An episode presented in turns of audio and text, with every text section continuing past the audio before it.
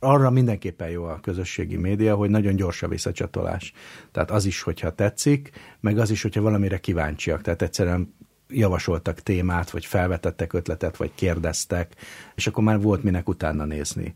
Amikor én valaha réges-régen irodalomtörténész voltam, akkor nagyon lassú volt a visszajelzés. Tehát akkor ugye az történik egy rendes filológussal, hogy egy konferencia szünetében odajön egy kolléga, és azt mondja, hogy a másfél évvel ezelőtt írt tanulmányt az irodalomtörténeti közleményekbe olvasta, és akkor elmondja, hogy mi a véleménye. Most meg másfél perc. Lírás tudók. A Líra könyv és a Fidélió irodalmi podcastja Grisnik Petrával és Szabó T. Annával. A mai adás műsorvezetője Grisnik Petra. Üdvözlöm Önöket! Ez a Lírás Tudók, a Fidélió és a Líra könyv közös podcastje. Én Grisnik Petra vagyok, és ma Nyári Krisztiánnal fogok beszélgetni nemrégiben megjelent új kötetéről, az Így szerettek ők sorozat harmadik részéről, ami a Korvina kiadónál jelent meg. Tehát szó lesz kedvenc és kevésbé ismert szerzőinkről, írókról, költőkről, és arról, hogy ők hogyan intézték titkos vagy egészen nyilvános szerelmi ügyleteiket, beszélni fogunk a mítoszokról és azok lerombolásairól, valamint arról, hogy ha most már készen van száz történet, akkor vajon mennyi van még hátra. Végül Csabai Máté kollégámmal öt új izgalmas kötetet ajánlunk az önök figyelmébe a Lira könyv megjelenéseiből. Tartsanak velünk!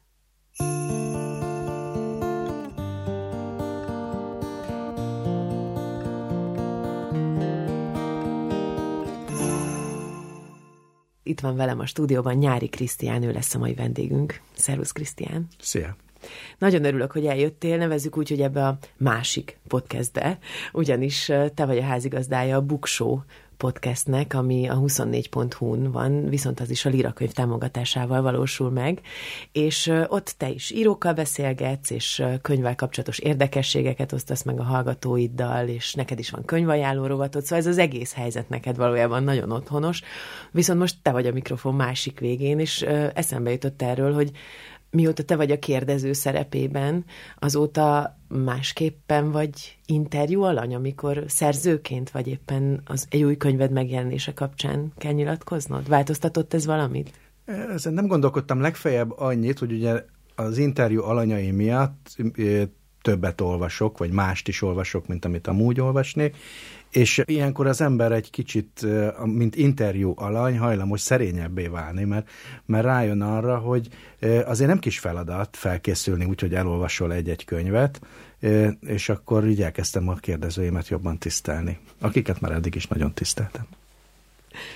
És volt olyan vendéged, aki, akivel a az évtizedes kapcsolatod vagy barátságod úgy meghatározta a beszélgetést, hogy, hogy az volt az új helyzet, hogy most nem mindkét barát ültök együtt, hanem mint kérdező is. Alapvetően akik, na, akikkel beszélgetek, azoknak a legalább a fele régi barátom, így úgy, de azt hiszem, hogy ez nem befolyásolja. Legfeljebb, mert én, én nem vagyok egy profi kérdező, úgyhogy úgy beszélgetek, mintha amúgy beszélgetnék vele ezt találtam ki, hogy nem próbálok én olybá feltűnni, mint, mint hogyha ez lenne a szakmám. Úgyhogy van, amikor tényleg egy kávé mellett megkezdett beszélgetést folytatunk tulajdonképpen, és remélem, hogy a hallgatóknak ez, ez nem okoz problémát, vagy nem érzik úgy, hogy itt valami rajtuk kívül álló unalmas dolog történik.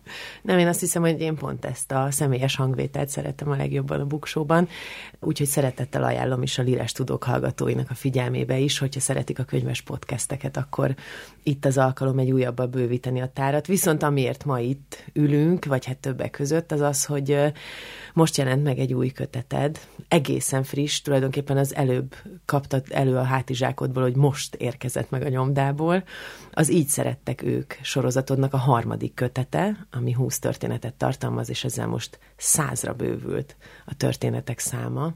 Ha jól tudom, meg is fognak ezek a könyvek együtt is jelenni egy ilyen csinos díszkiadásban. Ez mikor fog megvalósulni? Hát ez a napokban már, ez már előjegyezhető, ez valójában az első három rész, vagy hát ezt a három részt tartalmazza, egy ilyen díszdobozos verzió, ami számozott, 500 példány jelenik meg belőle, és mindegyiket aláírom, tehát ez egy ilyen karácsonyi ajándék valójában, de a könyvek azok ugyanazok, leszámítva a díszdobozt, és a, még az talán az érdekessége, hogy az első két rész most újra megjelent, és ez nem csak egy újranyomás, hanem új kiadás, ami azt jelenti, hogy javított kiadás, vagy módosított kiadás, aminek az volt az oka, hogy ugye 2012-ben és 2013-ban jelent meg az első két rész, és azóta egy csomó minden történt például megjelent Gyarmati Fanni naplója, vagy megjelent Polcelen és Mészői Miklós levelezés, és lehetne sorolni, és ezeknek a, a tanulságait azért még beépítettem, ha máshogy nem, akkor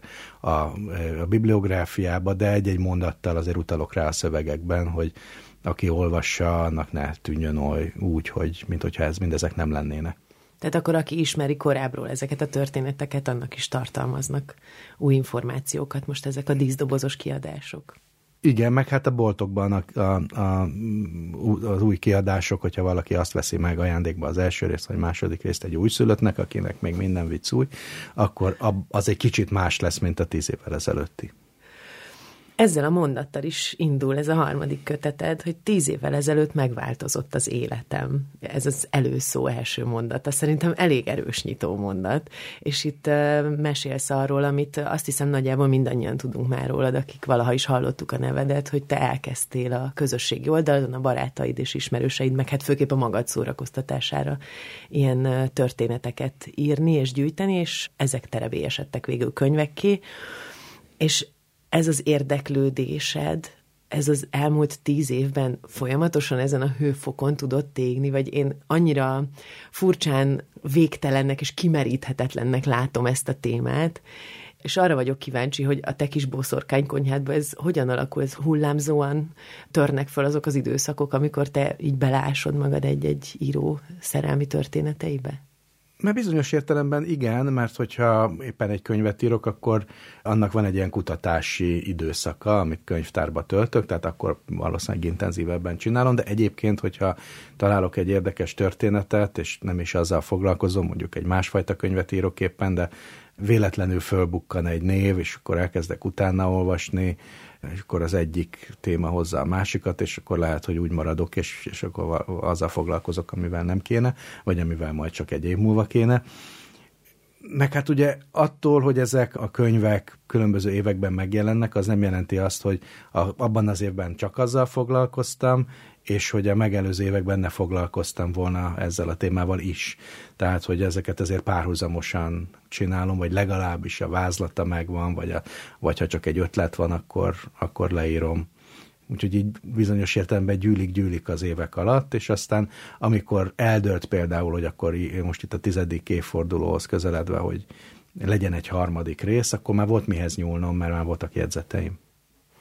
De tulajdonképpen ez egy olyan kis ismeretterjesztő sorozatod volt neked a közösségi oldaladon, ami, ha úgy veszük, végül is maradhatott volna is akár egy ilyen kis csemege azoknak, akik éppen arra tévednek, és feldobja nekik az algoritmus és azon gondolkodtam, hogy neked ugye az eredeti szakmád az kommunikációs szakember, hogy, hogy van ebben valamiféle mintázat, vagy tettél ilyen felfedezést, hogy, hogy segít, vagy akadályoz az egy szerzőt, hogyha ilyen nagy igény, vagy instant visszajelzés mutatkozik arra, amivel elkezd foglalkozni. Téged ez, ez, ez inspirált arra, hogy ebből könyv szülessen? Hát az érdeklődés mindenképpen, mert kiderült, hogy nem csak a barátaimat érdekli hanem az ő barátaikat, meg annak a barátait is, és meg kaptam, arra mindenképpen jó a közösségi média, hogy nagyon gyors a visszacsatolás. Tehát az is, hogyha tetszik, meg az is, hogyha valamire kíváncsiak. Tehát egyszerűen javasoltak témát, vagy felvetettek ötletet, vagy kérdeztek, és akkor már volt minek utána nézni.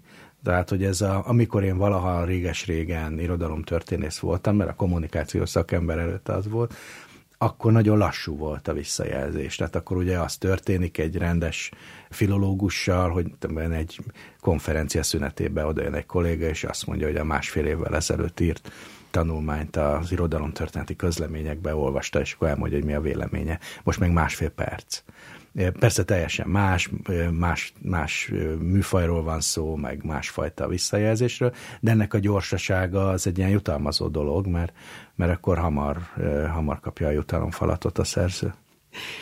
És nem volt ebben számodra olyan, most próbálom kerülni a negatív szót, de mégis én, én egy kicsit olyan visszahúzó erőt is érzek abban, hogy akkor van a szerzőn egy ilyen nyomás, hogy akkor most tessék nekiállni ezt termelni. Szóval az emberek annyira be vannak rendezkedve erre az inger gazdag életre, hogy a tartalomgyártásnak iszonyatosan mennie kell ahhoz, hogy fenntartsuk az érdeklődést. Igen, de ez nem, az én esetemben nem volt nagyobb nyomás annál, mint ami még kényelmes. Tehát, hogy az jó, azt jó tudni minden szerzőnek, hogy vannak olvasói, akiknek vannak elvárásai. Bizonyos értelemben kicsit fegyelemre is szoktatja az ember. De ez nem ment odáig, hogy, a, hogy ez már kellemetlen legyen. Úgyhogy ebből a szempontból nekem szerencsém volt. Tehát az, az az elején volt ilyen kétségtelenül, hogy, hogy mondjuk kértek valamilyen témát, hogy valamilyen szerzőnek a magánéletéről írjak, és ez már olyan volt, aminek utána kellett nézni. És akkor, ha türelmetlenek voltak, akkor, akkor újraírtak, hogy mi az, hogy még nincsen. De aztán ez idő után beállt, és, és nem, de soha nem volt olyan, hogy rossz szájízzel keltem fel, hogy na már akkor megint ezzel foglalkozni. Most egy kicsit meséltél ilyen lehetséges opciókról, hogy hogyan kerül a látóteredbe egy-egy szerző, akinek így beleásod magad a történetébe, de van neked valami olyan személyes preferenciád, ami alapján válogatsz ezek közül, a történetek közül, vagy van olyan kedvenc szerződ, akinek csak azért ástál bele a magánéletébe, mert a, amiket ír, azokat nagyon szereted? Van, persze. Ugye eleve, mivel ez nem egy tankönyv, nem is egy tudományos munka, nem egy monográfia, nem egy korszakmonográfia, tehát nem köt engem az, hogy hogyha mondjuk egy korszakról írok, akkor minden valamilyen szempontból fontos szerzővel foglalkozni kell. Így viszont azokkal foglalkozom, akiket szeretek, vagy akikre legalábbis kíváncsi vagyok. Tehát így aztán mindenki, amikor foglalkozom vele, utána nézek az életének, a számomra jutalom, mert, mert kíváncsi vagyok, és nem kell azzal foglalkoznom, akit egyébként íróként nem kedvelek, vagy nem, nem érdekel. Úgyhogy ez egy ilyen, ebből a szempontból is egy, egy jutalmazó műfaj, mert teljesen az én szubjektív önkényemre van bízva, hogy kivel mennyit foglalkozom, és, és mindig érdekes tud maradni. És kétségtelen, hogy van egy, egy szempont, hogy a, amikor ebből könyv lesz, akkor muszáj olyan szerzőknek hangsúlyosan szerepelni benne, akik sok embernek mondanak valamit, mert, mert akkor lesz érdekes. Tehát van egy közös kánonunk, amit nagyjából a középiskolai kánon, ami a legtöbb olvasó fejébe benne van, tehát ezért van az, hogy Kosztolányi Dezsőre, vagy József Attilára, Babics Mihályra és sokkal többen kíváncsiak, mint mondjuk Társánszki Józsi Jenőre, aki nekem az egyik személyes kedvencem, és természetesen írok róla is, és bekerül a könyvbe, de ha csak Társánszkik lennének benne, e, tehát a kevésbé ismert, vagy félig meddig elfeledett, vagy az elfeledés e, határán lévő szerzők, akkor maga a könyv is kevésbé lenne érdekes, mert kevesebb embernek nyomja meg a gombot, hogy ilyet erre kíváncsi vagyok. De közben meg törekszem arra, hogy azért legyen benne ilyen is, e, mert ez kiderült a, az első eh, két könyv megjelenésekor, hogy van ennek egy ilyen olvasás népszerűsítő hatása, amit én nem terveztem, hanem lett. Tehát, hogy elolvas egy életrajzi történetet, és kíváncsi lesz a művekre. Eh, aminek én persze nagyon örülök, mert mégiscsak az a cél, hogy a műveket olvassuk. De ne, nekem az szórakoztatáson kívül nem volt semmilyen magasztos tervem ezzel az egésszel, de lett egy ilyen hatása, és ha már van, akkor pedig örülök, hogyha ezekre a szerzőkre rátalálnak. Tehát most ebben a, az új részben mondjuk szerepel Galgóci Erzsébet, aki ugye pont ahhoz a generációhoz tartozik, akik ilyen kanonizáció szempontjából a legrosszabb pozícióban vannak, mert már nem kortárs, de még nem klasszikus, és őket felejtjük el a legkönnyebben tudod, az ő esetében ugye a, a 60-as, 70-es, 80-as években író szerzők, akik aztán meghaltak, vagy abba hagyták a pályát, őket felejtjük el a leg, legkönnyebben. És most még lehet ezzel ellen tenni, tehát én nagyon szeretném, hogyha a Galgóc Erzsébet műveit levennék a polcról többen, mert olvasásra érdemes abszolút. Ez érdekes, hogy mondod ezt a tehát két olyan dolgot is felhoztál, mire rá szerettem volna mindenképpen kérdezni, hogy egyrészt nem volt ilyen tanító jellegű missziód, vagy ilyesmi ezzel kapcsolatban, vagy olvasás népszerűsítő, és mégis magától beindult. A másik pedig ez a Galgóci Erzsébetes dolog, mert azt én kis kutatásaimat elvégezvén rátaláltam arra, hogy az egyik legnagyobb visszhangot kiváltott ilyen cikked, amit ezzel kapcsolatban írtál, vagy hát ez a kutatás, amit végeztél, az Kölcseinek és Szemerepálnak a kapcsolatáról, ami egy barátság és szerelem közötti, de mégis sok titokkal és elhallgatással terhelt kapcsolat. Ebben a kötetetben viszont Galgóci Erzsébetnek és Gobbi Hildának a beteljesült, megvalósult homoszexuális szerelme és, és kapcsolata és együttélése. Tulajdonképpen az is benne van, hogy, hogy abban a korban ez is egy felvállalt dolog volt a részükről, még úgy is, hogy ez akkoriban bűncselekménynek számított. És megfordult a fejemben, hogy azzal kapcsolatban sem volt valami, valami ilyen igazi szándékot, hogy, hogy ez a fajta szerelem is megjelenjen? Szándékom külön nem, de azt gondoltam, és ez majdnem minden könyvemben, ahol párkapcsolatokról van szó, tehát mikor festőkről szóló könyvemben is, magától értetődőnek gondoltam, hogy ha van eh, azonos neműek közötti szerelmi kapcsolat festők között, akkor arról is írjak, mint hogy írók között is. Eh, nem gondoltam azon, azon nem gondolkodtam soha, hogy csinálni mondjuk egy külön eh, életrajz gyűjteményt meleg vagy leszbikus szerzőkről, mert engem az érdekel, hogy, hogy működik a szerelem, hogy működik egy párkapcsolat, és ahhoz képest már mindegy, hogy ők különböző vagy azonos neműek. És hát ez egy megkerülhetetlen téma, hogyha azt gondoljuk, hogy Galgóci Erzsébet fontos szerző, mint ahogy én ezt gondolom, és érdekes és tanulságos a magánélete, ezt is gondolom, akkor akkor mindegy, hogy ő egyébként a saját neméhez vonzódott. Abban az értelemben nem mindegy, hogy ő nagy kockázatokat vállalt ezzel, és tényleg egy darabig legalábbis még az ő életében ez büntetendő volt, és utána sem nézték különösebben jó szemmel, és az, az pedig a, hogy mondjam, a korszak megértése szempontjából izgalmas, meg érdekes tény, hogy miért nézték el mégis a kulturális elithez tartozó két ember esetében, ugye Gobi Hilda is, meg Galgóci Erzsébet is a kor kulturális elitjéhez tartozott, bizonyos értelemben a politikai elitjéhez is, hiszen Galgóci Erzsébet országgyűlési képviselő volt egy ciklus erejéig, Gobi Hilda meg egy nemzeti intézmény, tehát az ő esetükben ezt elfogadták, tolerálták, félrenéztek, nem mindig, de, de majdnem mindig. Hogyha ez egy faluban történik két átlag ember között, akkor nem feltétlenül ez történik, hanem ki közösítéssel, vagy, vagy akár valami retorzióval járt volna.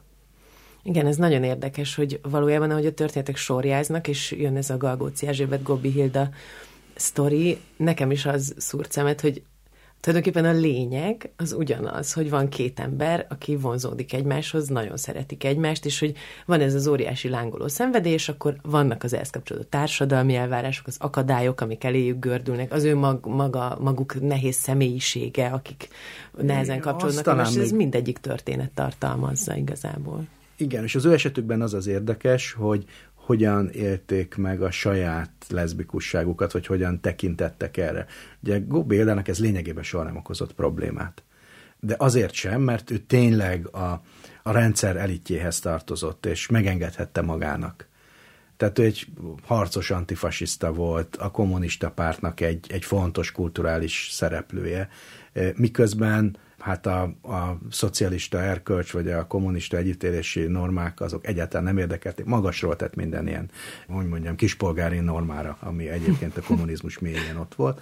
De azért ő maga is veszélybe sodorta magát. Te is említed azt hiszem a, a, a könyvedben, hogy, hogy a Major Tamással való Részben emiatt rúgta egy... ki a Major a, a, a nemzetiből, de Galgóc Erzsébet pedig, aki egy kisfaluból származott, és ez egy problémát jelentett neki, küzdött ellene, fiatal korában kifejezetten viszolygott saját magától, hogy ő miért nőköz vonzódik, miért nem férfiazik, orvosi kezelések áldozata volt tulajdonképpen, hormonkezelést akartak neki adni, meg mind, szóval mindenféle borzasztóság, míg végül eljutott eddig a kapcsolatig, amikor, amikor rájött, hogy tulajdonképpen nincs ezzel semmi baj, ezt lehet vállalni. Tehát, hogy ennek a két útja, és az, hogy ez egy, ez, egy ember életét tönkre tudta volna tenni. Mint hogy részben tönkre is tette az övét, addig, amíg, amíg erre a kapcsolatra nem talált rá. Ebből a szempontból más, mint egy heteroszexuális kapcsolat. Abból a szempontból, hogy két ember egymásra talál, és két nehéz személyiség hogyan tudnak együtt élni, mint hogy nem is éltek igazából együtt, két külön lakásban éltek, de ez egy nagyon hosszantartó és mély szerelmi kapcsolat volt ez is egy olyan különleges fejezete szerintem a, a közös ismeretanyagunknak, vagy nem tudom, tudáshalmazunknak, hogy van Gobbi Hilda, aki, aki annyira közel áll hozzánk, mint hogy tényleg ő egy nemzeti intézmény volt, hogy azt, azt gondoljuk, hogy ismerjük, és hogy van róla egy elképzelt képünk. Tulajdonképpen egy mítoszt rajzolunk köré, és azok köré, az írók köré is, akik ebben a közös kánonunkban benne vannak. És az jutott eszembe, hogy az olvasói visszajelzések azért általában két erős irányba oszolnak szét.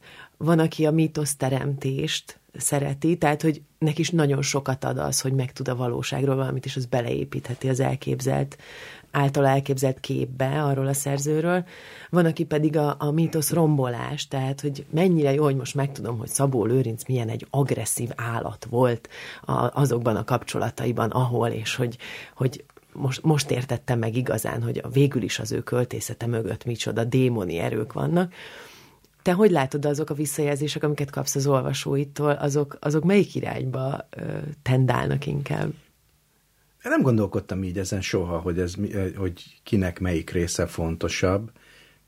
Inkább azt néztem, hogy van, akiknek a szerző a fontos, mert kíváncsiak rá, mert szeretik, mert, mert tanultak róla, és valami miatt érdekli őket a, az életmű mellett az életrajz is. Tehát ez az egyik motiváció, hogy miért, miért érdekes ez. A másik pedig, aki ezekre a párkapcsolati konstellációkra kíváncsi és azt mondja, hogy jé, velem ez történt, vagy pont nem, miért ilyen hülye, miért azt csinálta. És akkor a, a kettő kíváncsiság közeledik egymáshoz, vagy közelít, és akkor ezért van az, hogy, hogy érdekesek ezek a történetek. De hogy itt a mitoszrombolás, vagy a mitosz építés a fontosabb, ezt nem tudom eldönteni. Inkább talán az van, hogy a fejünkben egy nagyon is kultikus, mitoszszerű életrajz van a legtöbbünknek, mert a középiskolai életrajz az ilyen. És, és ehhez képest meg, meg húsvér emberekre vagyunk kíváncsiak, vagy azokra is. És itt nem csak a párkapcsolatokról van szó, hanem kíváncsiak vagyunk, hogy tényleg milyen ember volt ő. Ugye Szabó Lőrincet mondtad, aki mondjuk az én számomra az egyik legfontosabb 20. századi magyar költő, miközben egy retentes ember volt minden szempontból, tehát ugye a köz, mint a magánerkölcsök tekintetében, hát nem, enyhén szóval nem volt példaszerű, igen, én meg is lepődtem, hogy ebben a kötetben, amikor újra felbukkan az ő neve, hogy akkor van egy ilyen kis rész, ahol ilyen önreflektíven reagál arra, hogy most azért megértettem, hogy én régen milyen egy szörnyű ember volt. Ő mi, a, végig nagyon önreflektív egyébként, ez benne a különös, hogy ő neki van egy rálátása saját magára, és pontosan tudja, hogy egy szörnyetek de hát ez nem menti fel, bár én nem szeretek ítélkezni, de, de, de hát mégis rettenetes lehetett azoknak a, a nőknek, akik a, a szájába kerültek, hogy így mondjam, mert hát borzasztó, hogy mit követelt tőlük, és hogy milyen önzően viszonyult ezekhez a kapcsolatokhoz, ez szépen meg is írta versben, prózában, naplóban, levélben, mindenhogy, tehát azt nem lehet a személyre hányni, hogy ne lett volna őszinte. És hát nehéz néha szembenézni azzal, hogy a kedvenc szerzőnk az nem volt egy remek ember, de ezt meg kell tanulni, és ebben általában a magyar olvasó, vagy a magyar kultúra az, az nehéz helyzetben van, mert, mert hajlamosak vagyunk kultikusan tekinteni ezekre a szerzőkre. Ugye ezért van az, hogy és akkor itt nem csak a, mondjam, a magánélet erkölcseit nézzük, hanem mondjuk a, a, az ilyen közéleti politikai erkölcsöt is, hogy amikor mondjuk Nyírő Józsefet újra felfedezték tíz évvel ezelőtt az újratemetése kapcsán, akkor tulajdonképpen három vélemény alakult ki, igazából politikai világnézet alapján, mert ugye ennek alapján értelmezték az egészet. Az egyik azt mondta, inkább baloldali olvasó, hogy hát hiszen ez egy nyilas volt, következésképpen rossz író. Volt egy olyan olvasat, hogy ez volt az inkább a jobboldali olvasat, hogy hát ez egy nagyon jó író volt, milyen szépen írt a havasokról, és hát lehet, hogy egy kicsit nyilas, de ezzel ne foglalkozzunk. És voltak akkor még elkülönülő szélső jobboldali olvasat, akik azt mondták, hogy ez egy jó író, és igen, nyilas volt, és ők a maguk részéről mindkettőnek nagyon örültek. És bizonyos értelemben nekik volt igazuk, nem aznak, hogy örültek ennek, hanem, hogy Nyírő József egy jó író, és egyébként meg egy fekete öves nyilas menthetetlen, tehát morálisan nem lehet, mint, mint, mint létező, élő embert felmenteni, vagy egykor élő embert, de ennek nincs köze ahhoz, hogy milyen szerző volt. És ezt mi nem szeretjük, nem szeretünk ezzel szembenézni. Ha beírod a Google keresőbe, hogy Ezra Pound Street, akkor nem találsz olyat az Egyesült Államokban, miközben minden tankönyvben benne van Ezra Pand, mert megújította mondjuk Eliott mellett az angol száz költészetet, de nincs róla utca elnevezve, meg könyvtár elnevezve, meg semmi, mert hogy amikor a honfitársai éppen partra szálltak, akkor ő Mussolini-nek lengette az ászlót, és ennyi. Ott van minden tankönyvben, az életrajzánál le van írva, de szóba se jön, hogy a kettő az valami kapcsolatban lenne egymással. De ugyanez a helyzet egyébként Ferdinand Szelinnel Franciaországban, Hamsunnal Norvégiában. Tehát, hogy ez más, máshol ez talán egy kicsit természetesebb, Nekünk meg ilyen nehéz dolgunk van ezzel. Hogy... Igen, ezt írod is egyébként a, az előszóban így fogalmazol, hogy életrajz és életmű két külön dolog. Igen, és, és hát nekem egyébként... ez szimpatikus egyébként, mert, mert valahogy azt is gondolom, hogy ebben a, a, az óvatos lábújhegyen PC mentén közlekedő kommunikációnkban nekem, nekem szimpatikus ez, mint állásfoglalás, hogy, hogy két két szemem van, tehát kétféleképpen tudok ránézni valamire, szoktam és én mondani. morális alapon eltörlünk szerzőket, vagy életműveket, hát nem sok minden maradna a, a 20. század után. Tehát, hogy ez ugye olyan kihívások elé állította az embert, meg a döntéshozatalmi mechanizmusokat személyesen, hogy hát nagyon kevesen mennek át azon a szűrőn, és hát ki tudja, hogy én hogy döntöttem volna egy-egy ilyen beszorított helyzetben. Egyébként neked volt ilyen élményed, hogy a kutatásaid során így feljött valami olyan információ egy szerzőről, ami úgy felkavart, vagy hatással volt arra, hogy aztán a műveihez közeledtél? Hát olyan értelemben igen, hogy, hogy nem tudom én, Kassák Lajos például rettenetesen bánt a feleségével, aki aztán öngyilkos is lett. És ott, ott, ott kellett egy kis, hogy mondjam, szünetet tartanom, hogy, hogy, hogy akkor megbocsássak neki, ez hülyeség, de hát ez nem tartott tovább néhány napnál. De mondjuk az biztos, hogy ez így emberileg is megérintett, mert róla nem gondoltam. Szabó Lőnisztől tudtam, hogy, hogy, hogy milyen. És, de Szabó Lőnisz arra is példa, hogy ugyanúgy a kezembe tudom venni, és ugyanúgy a hatás alatt vagyok a, a verseinek, hogy tudom, hogy egyébként közben egy rohadék volt. Tehát, hogy ezt valahogy érdemes elválasztani.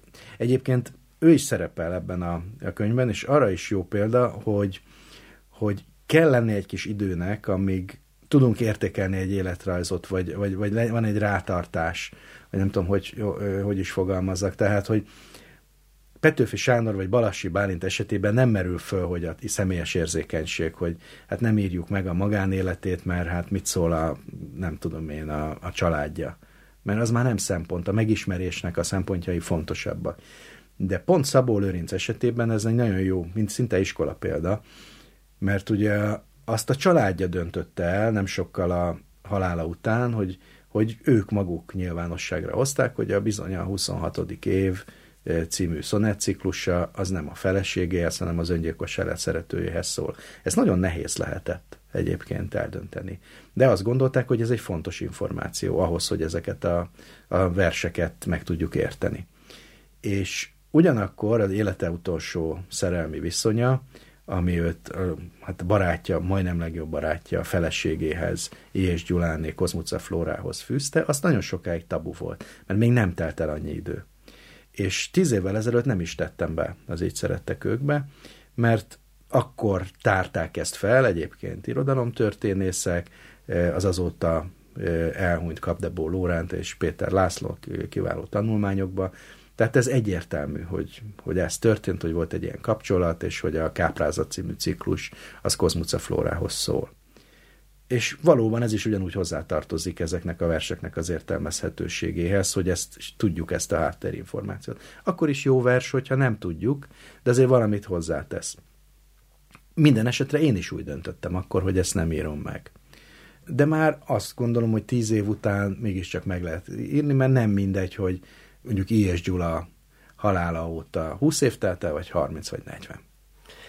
Ez az egyik ilyen meglepő fejlemény, amin, amin én is úgy elcsodálkoztam, hogy tényleg ez a, ez a szerelem Flóra és Szabó Lőrinc között, ez, ez én nem tudtam erről egyáltalán, hogy és ugye az ráadásul... ráadásul egy ilyen, hát hogy fogalmazzak úgy, hogy tehát ez egy érett életkorban levő szerelmök, már 50 pluszosak voltak Abszolút, és, és, és ennek nagyon kevés az irodalmi lenyomata a magyar irodalomban, tehát a szerelmes versek fiatalkori szerelmet dolgoznak fel. Van egy-két nagyon szép időskori mondjuk Vas Istvánnak van ilyen verse. De azok de inkább ez... valahogy egy ilyen békés belenyugvó, nem ezt a lángoló Igen, de az, hogy, hogy 50 pluszos emberek között ennyire intenzív, viharos szerelmi vonzalom lehet, annak nem nagyon van ezt leszámítva a költészeti nyoma, és már csak ezért is nagyon izgalmas ez a, ez a versciklus. Hát meg az is nagyon, nagyon izgalmas, hogy van a magyar kultúrtörténetben egy nő, akihez hát a 20. század három legjelentősebb magyar költője, vagy egyik legjelentősebb magyar költője írt szerelmes verseket. Hát ilyen nincsen, egyébként a világkultúr történetében Alma Mahler talán egy másik koordinátorrendszerben, de más nem tudunk. Tehát, hogy valamit abszolút, nagyon múzsák között is a haladó kategória. Igen, abszolút, abszolút. feketeves múzsa. Teljesen, igen.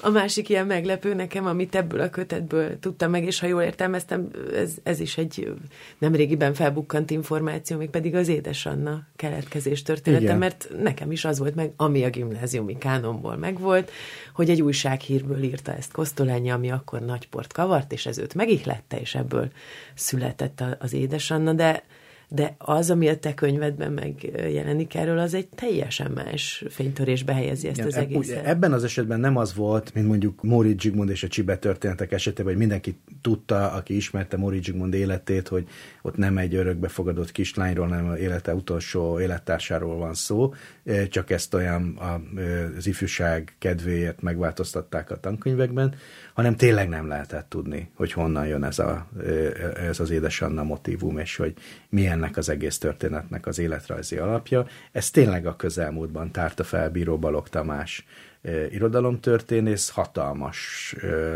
munkával, tehát ez, ez egy valóban igen jelentős telje filológiai bravúr, amit ő csinált, és, és hát helyére került egy mozaik darab, hogy valóban az a helyzet, hogy létezett édesanna modellje, Keresztes Erzsébet, aki Kosztolányi Dezsőjék dadája volt.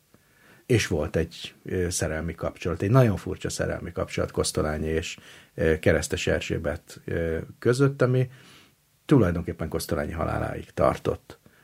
Azzal együtt, hogy, hogy, hogy közben megjelent az élete végén a Mária szerelem, és közben még ott volt a felesége is, de ez a, ez a, ez a furcsa mély vonzalom, ami, ami keresztes Erzsébethez kötötte, ez kitartott élete végéig. És nem nehéz ezt másnak nevezni, mint szerelemnek.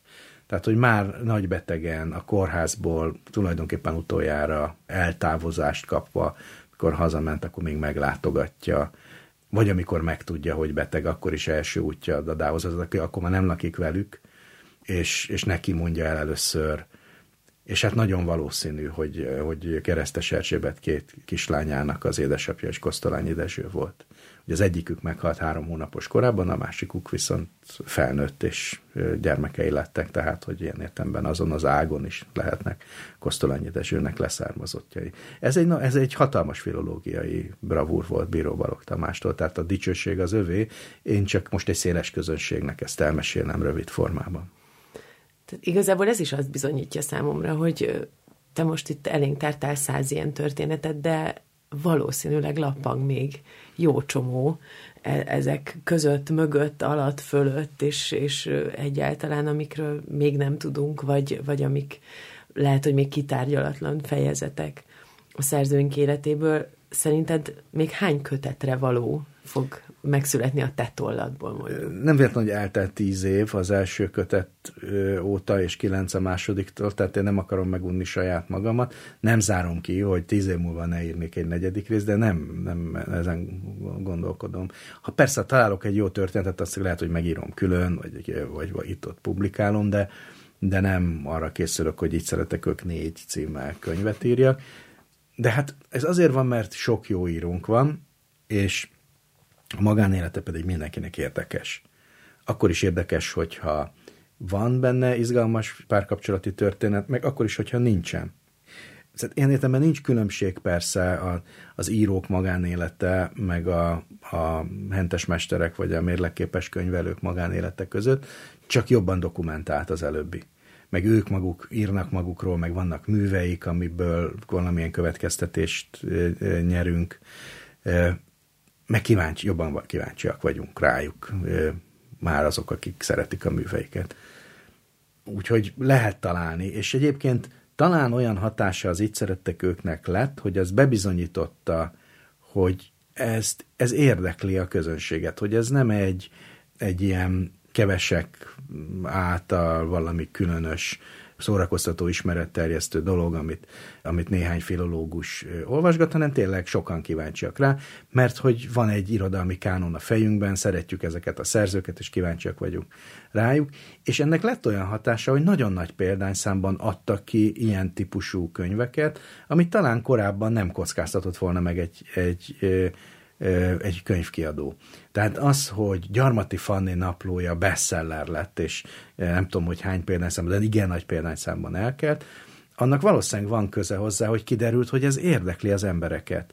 És ugyanez a polcelemmészői levelezés, Szabó Magda naplók, tehát csak az elmúlt tíz évet nézem, nagyon sok ilyen könyv született, vagy, vagy akár Bíró Balog Tamásnak a könyve Kosztolányi utolsó szerelmeiről. Mert kiderült, hogy ez foglalkoztat minket. Az irodalom történet az, az egy olyan közös kincs, ami a középiskolai tananyag miatt valamilyen értelemben benne van a fejünkben. Mint ahogy a művészettörténet pedig nincsen, mert rajzórán nincsen életrajz. Tényleg. Ez még soha nem jutott eszembe. És ebből nekem is akkor jutott eszembe, amikor a festős könyvet csináltam, hogy ezt nem lehet ugyanúgy megírni. Menet közben derült ki. Mert az, hogy Adi Endréről el tudok mesélni egy történetet, anélkül, hogy el kellene mondanom az életét. Mert mindenki tudja. Tehát, hogy Adi Endre Párizsban ezt és azt csinálta, nem kérdezi meg egy érettségizett magyar ember, hogy milyen francot keresett Párizsban. De Riprona Józsefről nem tudok elmondani egy ugyanolyat, mert, mert nincsen életrajza a fejünkben, és azért is különleges ez, mert sokkal többet tud egy, egy magyar ember mondjuk egy francia festő életrajzáról. Tehát tudjuk, hogy mi volt Toulouse-Lautreckel a mulatóban, mi történt Van Gogh fülével, mit csinált Gauguin Tahitin, azért, mert a francia kultúrában annyira fontosak, hogy erről regények készültek, filmek készültek, eljutott ez mindez hozzánk, és sokkal eh, többet tudunk ezekről a festőkről. De ez igaz a német alföldi festőkre, igaz az, az olasz vagy itáliai reneszánszra is. A saját festőinkről meg nem tudunk jószerével semmit, mert ö, már valaki nem művészet történetet tanult.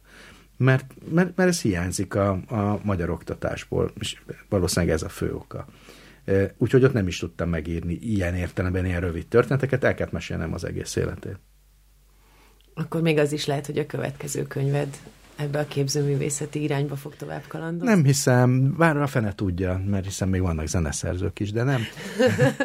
nem hiszem, tehát, hogy sok minden érdekel engem, és az biztos, hogy az életrajzok azok engem nagyon érdekelnek, mert a könyveim azt hiszem kettő hiány életrajzokról szól, a többségük, úgyhogy a jövőben is ilyesmi könyvek várhatóak tőlem, de nem tudom megmondani, hogy mi lesz a következő, azért ezt hozzá kell tennem most már nagyon sokat emlegettük ezt a tíz évet ebben a beszélgetésben, és képzeld el, hogy én rájöttem, hogy nekem egy személyes viszonyom is van ehhez a te elmúlt tíz évethez. Mégpedig az, hogy itt ülök a kérdező szerepében, és azt érzem, hogy annyira sokat meséltél már erről, hogy tulajdonképpen rengeteget kellett törnöm a fejem, hogy mégis mit kérdezzek tőled, amit még nem kérdezett senki, és rájöttem, hogy ezt akarom megkérdezni. Na hogy van olyan kérdés, amit még nem tettek föl neked ez alatt a tíz év alatt, pedig te olyan szívesen meséltél volna róla. Hát nem, így a fejemben nincs. De te is kérdeztél most olyat, amit még nem kérdeztek meg, ez a mitoszépítés és mitoszrombolás, ezt így ebben az összefüggésben nem kérdezte meg senki, oh. úgyhogy lehet ilyet kérdezni. De nincs egy ilyen katalógus a fejemben, hogy a, a, a régóta várt kérdések, amit még nem tett föl senki az magát öltetőd, hogy egy csomó mindent újra és újra megkérdeznek, hogy kontextusba kerüljön a, a, a téma, tehát hogy az, hogy hogyan kezdődött, meg az, az, az, az oltatlanul mindig megkérdezik. De hát közben meg az is van, hogy még a kommunikációs múltamból tudom, hogy amikor te már unod, hogy ugyanazt mondod újra és újra, akkor kezd el egyébként megjelenni másoknak a fejében. Tehát, hogy én sokszor elmondom, de az egyszer jut el valakihez, jó, lehet, hogy kétszer talán, úgyhogy hát mint egy jó tanárnak az a dolgom, hogy újra és újra válaszoljak ugyanazokra a kérdésekre is. Jó, hát akkor én most helyetted újra elmondom, hogy csodálatos karácsonyi ajándék, az így szerettek ők, harmadik kötetes, sőt, akár mint három a díszdobozos kiadásban, úgyhogy javaslom az olvasóidnak, és a még téged nem olvasóknak, hogy tegyenek ebből a karácsonyfa alá, neked pedig nagyon köszönöm, hogy eljöttél és beszélgettünk. Én köszönöm.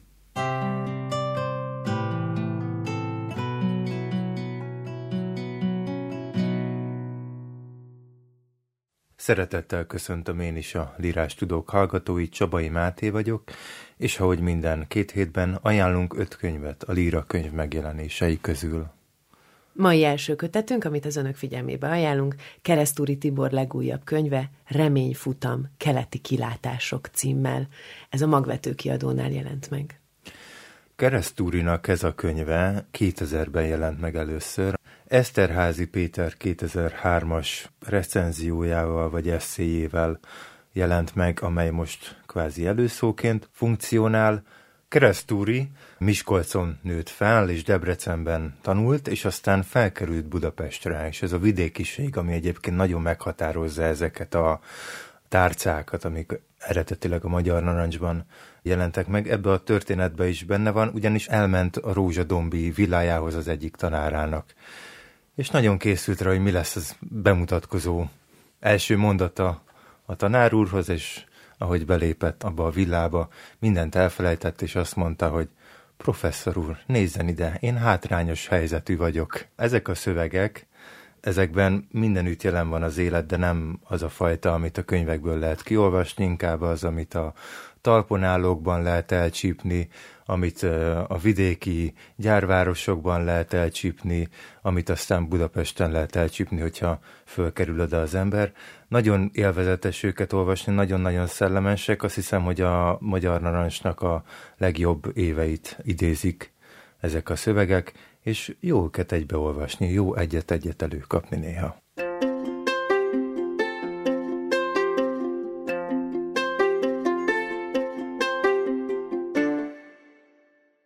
következő kötet, amit ma az önök figyelmébe ajánlunk, Maggie Doyne Ég alatt, hegy fölött című könyve, ami a Partvonal kiadónál jelent meg.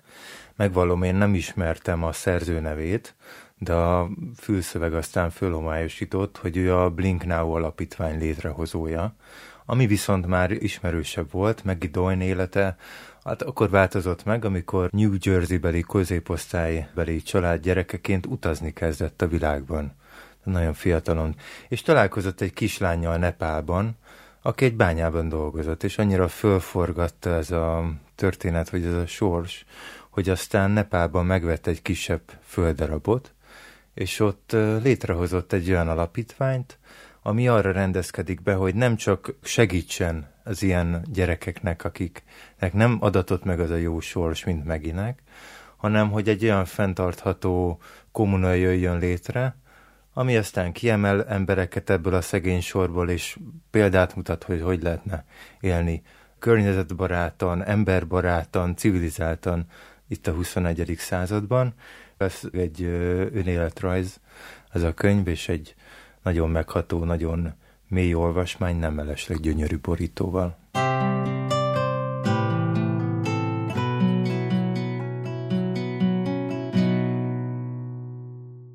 Következő könyvünk Mészáros Dorka Mimézis című regénye a Generál Press kiadásában. Így van, és hát azok, akiknek ez a cím sokat sejtető, azoknak igazuk van, igen, ez egy vérbeli krimi, és ebben egy várandós rendőrnyomozó hölgy és egy fiatal pályakezdő rendőrségi pszichológus szakértő neki el felgönyölíteni egy eltűnt fiatal ember ügyét, Persze, hogy a műfajtól már megszokhattuk, ellenszélben és titokban kell az ügynek a végére járniuk, és kiderül eközben, hogy egy sorozatgyilkosról van szó, aki ebben a városkában tevékenykedik. Ez egy nagyon fordulatos és izgalmas könyve a műfaj szerelmeseinek. Spoilerezni tényleg nem is szeretnék, úgyhogy az ajánlóból ezt a nagyon sokat mondó mondatot ajánlom most csak az olvasóink figyelmébe, hogy az elkövető, akit keresnek, olyan pontosan gyilkol, mintha könyvből olvasná.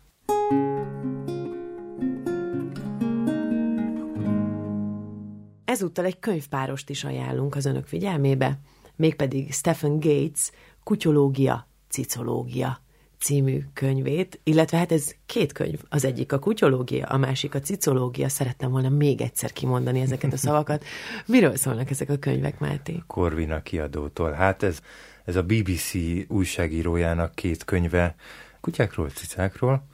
Na de, ami rögtön felkeltette a figyelmemet a szerzővel kapcsolatban, hogy ő egyébként egy gastrobloggerként indult, na de az érdeklődése elég furcsa területekre viszi, ugyanis írt már Fartology, azaz, hogy Fingológia címmel is könyvet.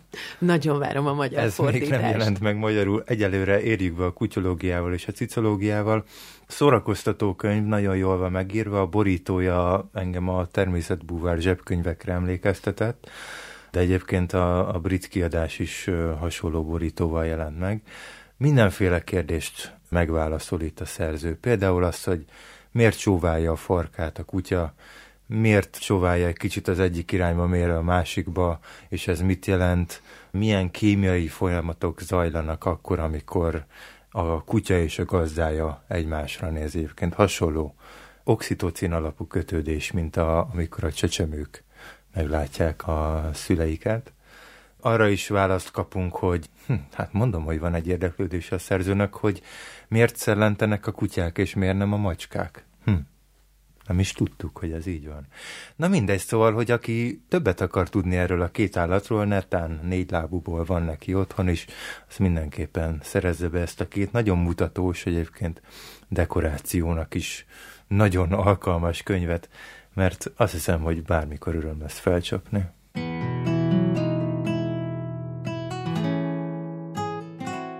Mai utolsó könyvünk Steve Richardson, Sári Nyuszi és a Gyógyító Szeretet cím gyerekkönyve a Manó könyvektől. És ezt már öt éves kortól ajánlja a kiadó a legkisebb olvasók és hát szüleik figyelmébe. Ez a mese ez nagyon szépen átvezet az őszből a télbe, úgyhogy azt hiszem, hogy a legjobb időpontban vagyunk ahhoz, hogy ezt a kezébe vegye egy egészen kicsi gyerek. Ez egy nagyon impozáns, viszonylag nagy alakú könyv, tehát a mérete is olyan, ami pici kezekben nagyon játékszer formát vesz föl, hiszen olyan nagy, és nagyokat lehet benne lapozni, de ez nem csak emiatt van így, hanem mert gyönyörűek az illusztrációk, és el lehet merülni az apró részletekben, ezt is ajánlom mindenki figyelmébe. Maga a történet pedig nagyon kedves és nagyon tanulságos. Nagy izgalom van az erdő lakói között, mert egy lombház építő versenyt rendeznek, amire minden állat benevez, és itt tényleg a lehető legkülönbözőbb állatfajok felvonulnak, ez is külön nagyon szórakoztató. Nekem a kedvencem, hogy a polgármester egy béka, tehát, hogy ilyen egészen különleges figurák vannak, és köztük van Sejem Tappancs Sári, a nyuszi is, és ő is benevez erre a lombház építő versenyre, Mégpedig mindenki megrökönyödésére, mert azt gondolják róla, hogy hát ő még egy szöget sem tud egyedül beverni, hát ő nem fog tudni egy lombházat építeni, és ahogy ez lenni szokott, Sári leküzdve minden akadályt bebizonyítja a többieknek, és hát így a történeten keresztül az olvasóknak is, hogy aki hisz magában, az a körülmények dacára is nyerhet. És hadd ajánljunk még egy hatodik könyvet is, mégpedig abból az okból, hogy az adventi időszakban a Líra könyv boltjaiban 9000 forint feletti vásárlás esetén ez 900 forintért elvihető.